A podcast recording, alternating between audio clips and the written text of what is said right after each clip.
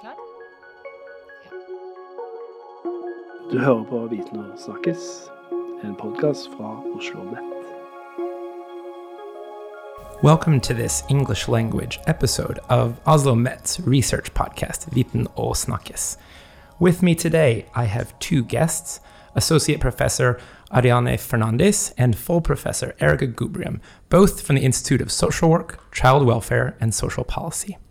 And our guests are with me today to discuss an issue that's very much been in the headlines in recent weeks, and that is structural racism, police brutality, the Black Lives Matter movement, all spawning from the murder of George Floyd in Minneapolis in the United States.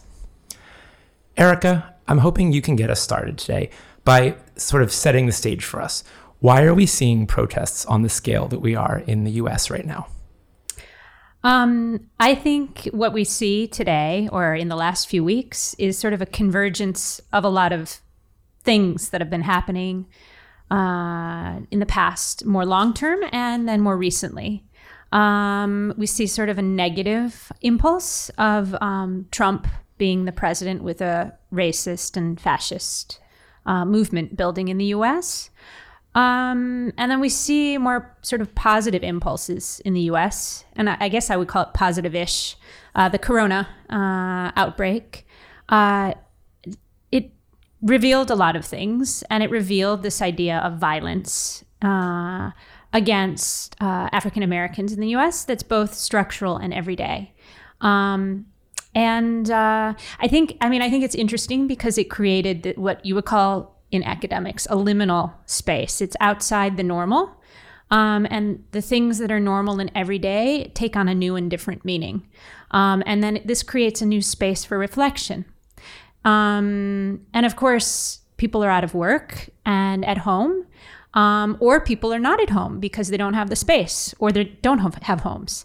Um, and um, we also see new technology for capturing physical violence uh, to uh, Black people. Uh, and um, for organizing, actually, the, the, the, usually marginalized. So there's new technology that captures things and enables uh, organizing.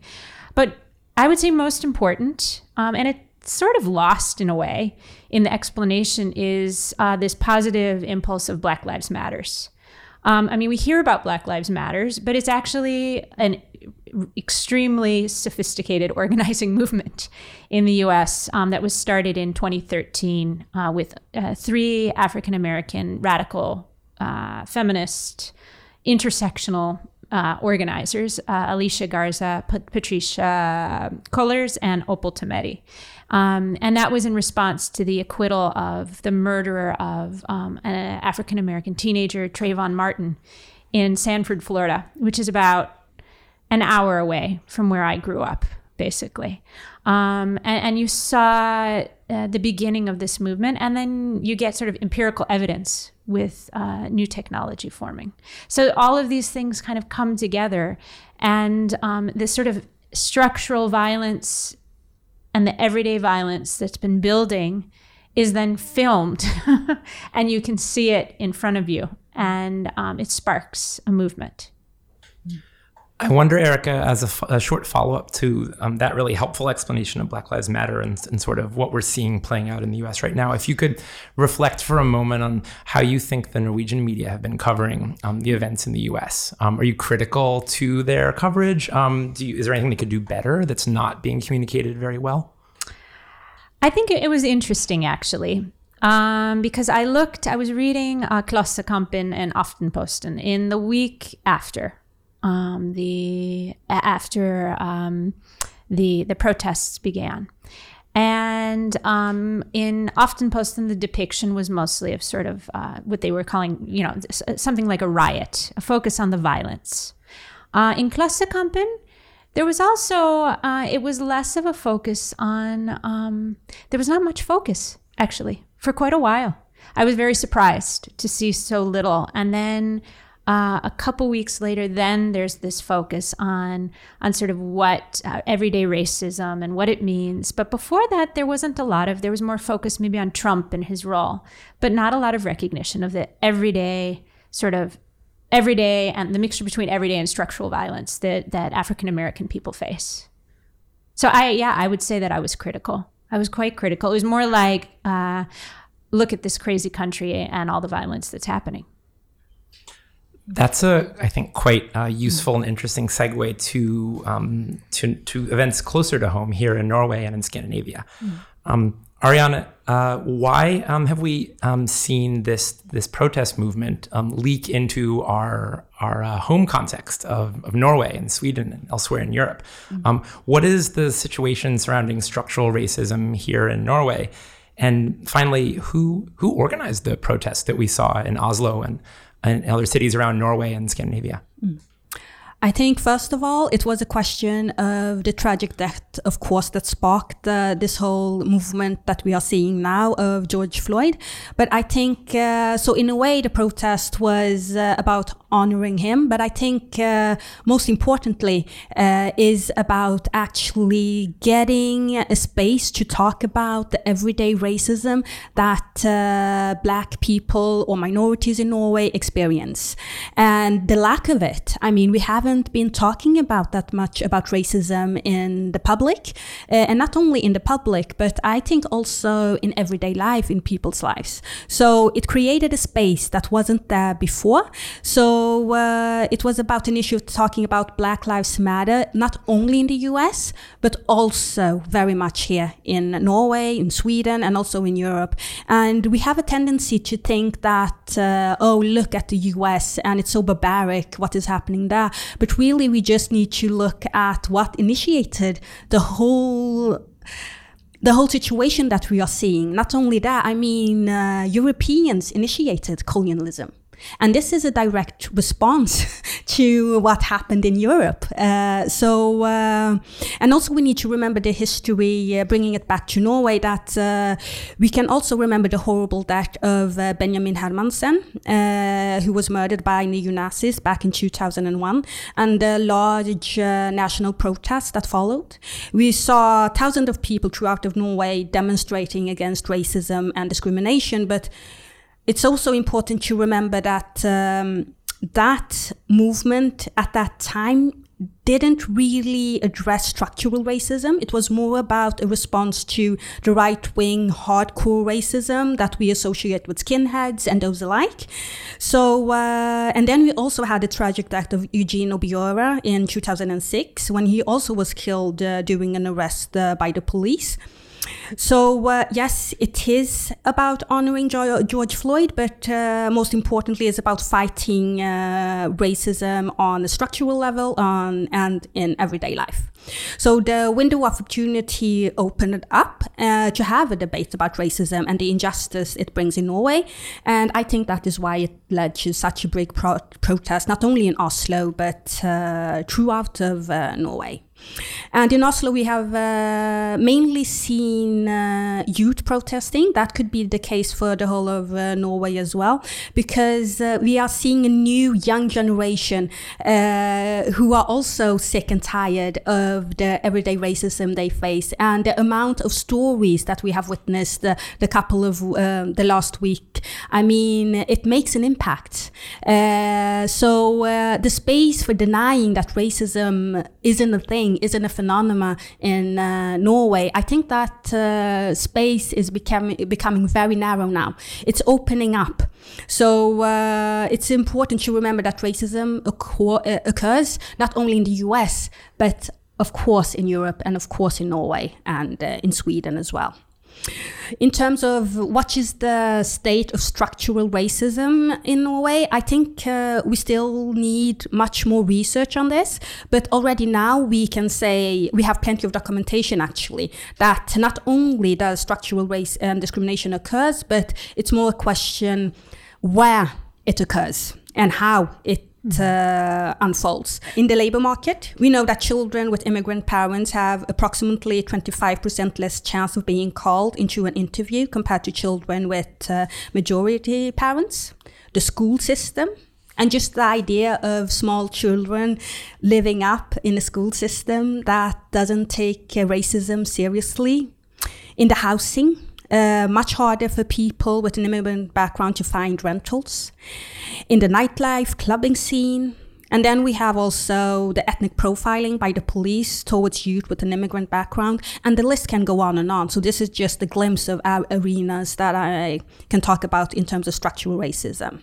You both bring research backgrounds to um, an anal- to to these events that I think give you um, a particular ability to understand what's what's playing out before our eyes um, in quite a fluid and dynamic um, and fast paced way.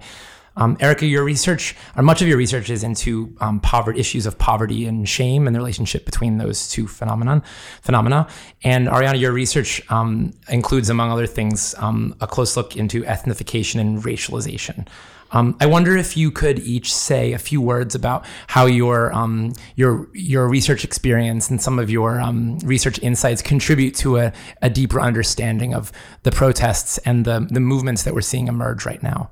Maybe start with you, Erika. Okay, and I, I guess I, I I'd like to take a step back in my academic history um, because I did a PhD um, in the U.S. on uh, labor movement uh, and labor participate participation in a statewide uh, walkout or strike uh, amongst teachers in Florida in 1969. And I was interviewing African American teachers about why or why they didn't decide to participate in the strike. And um, and I was also I was doing a lot of research on the history of sort of um, you know the, the, legal decisions uh, in terms of uh, segregation or integration of classrooms and and and actually a lot of what Ariana is saying about Norway. Um, you know, you also see this, of course, in the U.S. You see this sort of um, combination of things uh, that are structural that then become an everyday sort of uh, oppression, right? And so, for example, uh, one of the interesting things uh, that I that that the teachers, these retired African American teachers, talked about was the the sort of paradox of of integration of the schools, because what it meant was that um, the formerly all uh, black schools, schools with only African American students and teachers, were merged with um, and forcibly merged in the 1970s, actually, after I was born, uh, with schools for white children and with white teachers. And what that meant was that it wasn't necessarily a positive thing for these teachers because many of the teachers and school leaders lost their jobs. The black teachers and school leaders lost their jobs because uh, the white teachers and the white um, principals of the schools had precedence.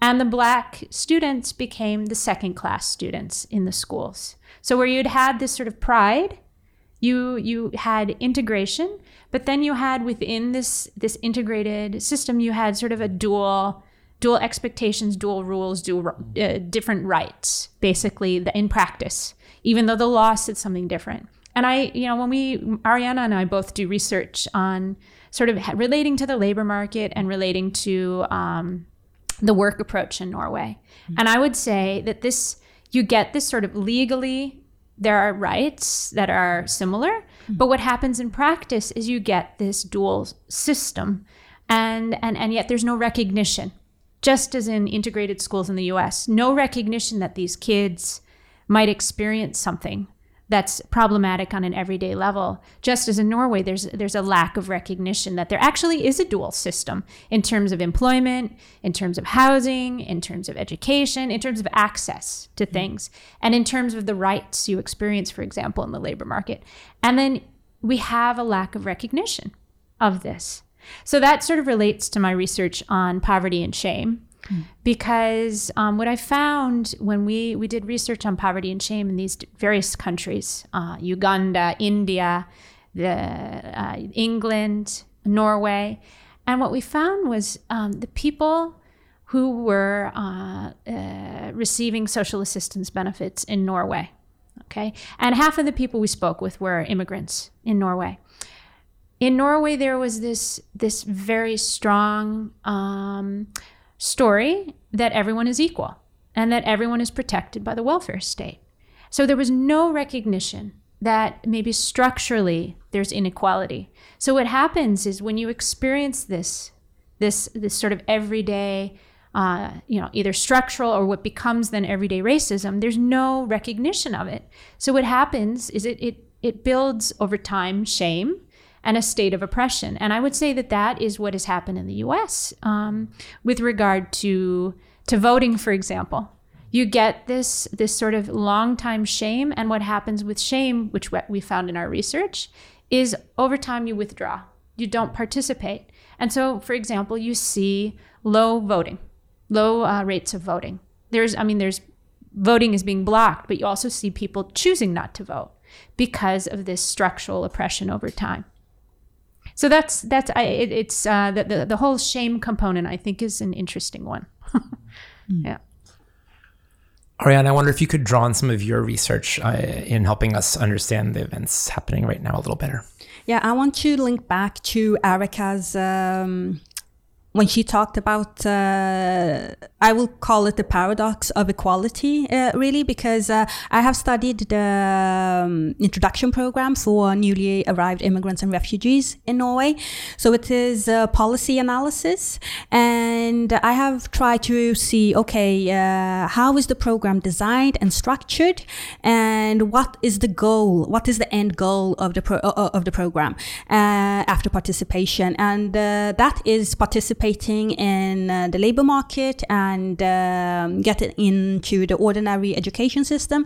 But in a way, uh, it's uh, about creating equality. Everyone should get the equal uh, chances to perform. If one look into my findings is that we see a process of ethnification embedded in the program and how it is designed. You have a very strong will to normalize and discipline immigrants into becoming what is perceived to be the ideal citizens of Norway. And uh, to be uh, sure, this is uh, the ideal citizen is uh, one that is as close as possible to the majority population. In the process, it is uh, possible to document that so-called uh, Norwegian norms and values uh, is the one that you recognize and acknowledge in the program. I mean, the more you acknowledge Norwegian values, so-called Norwegian values, the better chance you as an immigrant have in becoming what is deemed to be a successful citizen. Of course, this uh, has a very strong um, it reminds us very much of cultural assimilation, where the space of being different from the norm is very narrow. Uh, this is the case when you take uh, a national integration policy and show how the process of ethnification have influenced the design of the program. And this is political and demonstrates how race and ethnicity is present also on uh, a higher level of governance. And of course, it's structural. But uh, we need uh, more research, I think, in Norway to discuss how uh, structural racism takes place and uh, to just look into many dimensions that we haven't yet uh, have started to do. To close out our conversation, I would like us to look ahead. Um, I myself am originally from the U.S., and I will say that I've. It's been a long time since I felt so optimistic looking at my home society. I think the the mobilization, um, especially of young people, but also of a really diverse, broad base of Americans in opposition to structural racism and police brutality, um, something I maybe didn't expect to see ever. Um, I wonder if you two share my optimism. Um, how do you think this movement that we're seeing take shape before our eyes is going to um, uh, look in a month, in three months, in a year? Um, do you see this as something that's going to be sustained or as something that's going to um, peter out or um, lose momentum? And, and I'm thinking both here in Norway, but also in the US, where these events sort of began.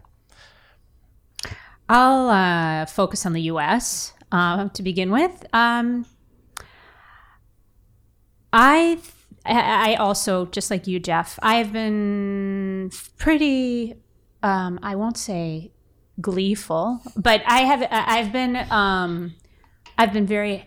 It's been good to see um, this sort of forced recognition of of how deep racism uh, works um, on the everyday level at, at the very at, at, the very least. Um, I think we've seen less recognition of how it works structurally. We sort of see it because there are readings that are suggested um, on, for example, the Jim Crow law, era, Jim Crow era, and how that sort of translates into today.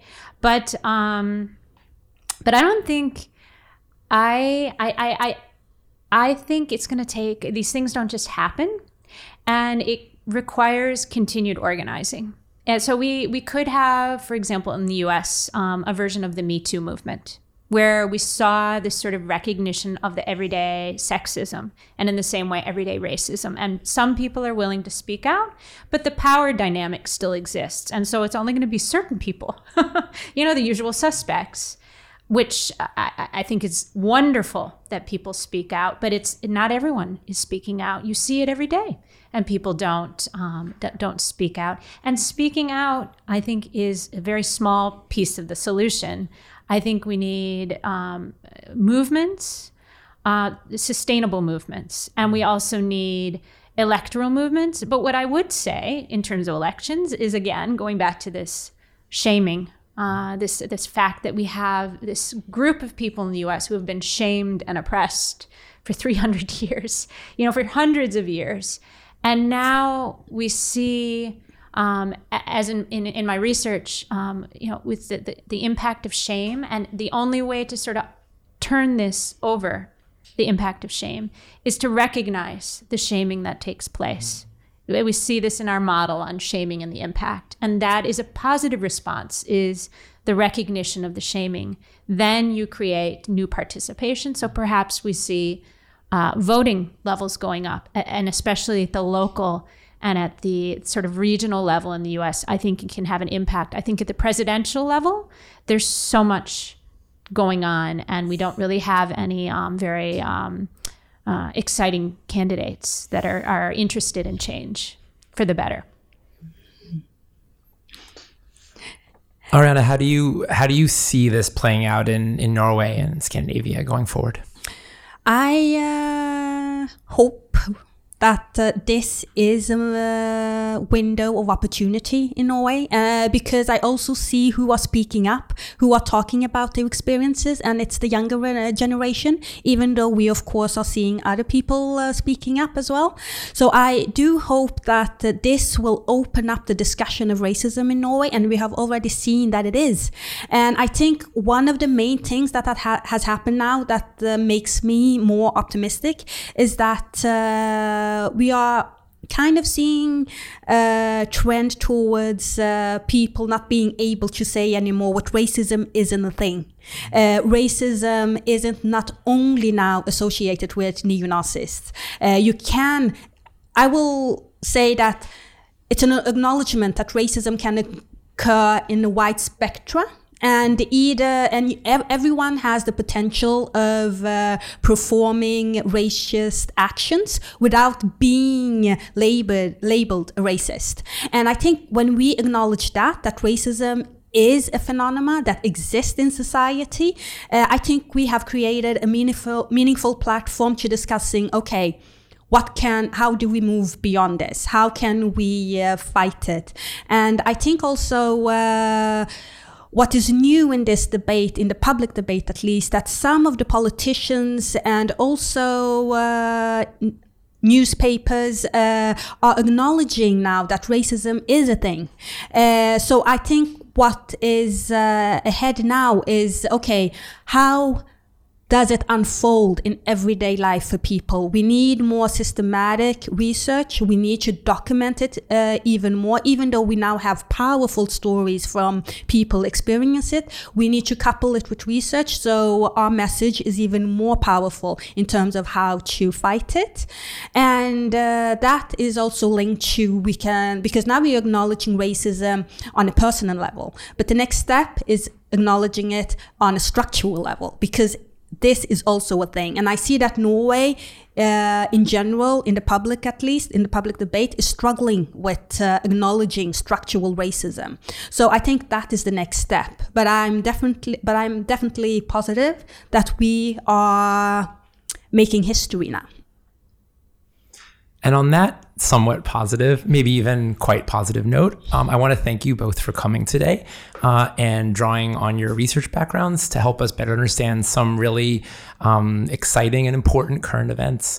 Um, we're going to link to some resources to further reading um, and uh, and other kinds of resources for those of you listening today, so that you can learn more about topics related to structural racism uh, in Norway, in the U.S., um, and and more generally, thank you for tuning in uh, and join us for the next episode of Viten og Snakkes.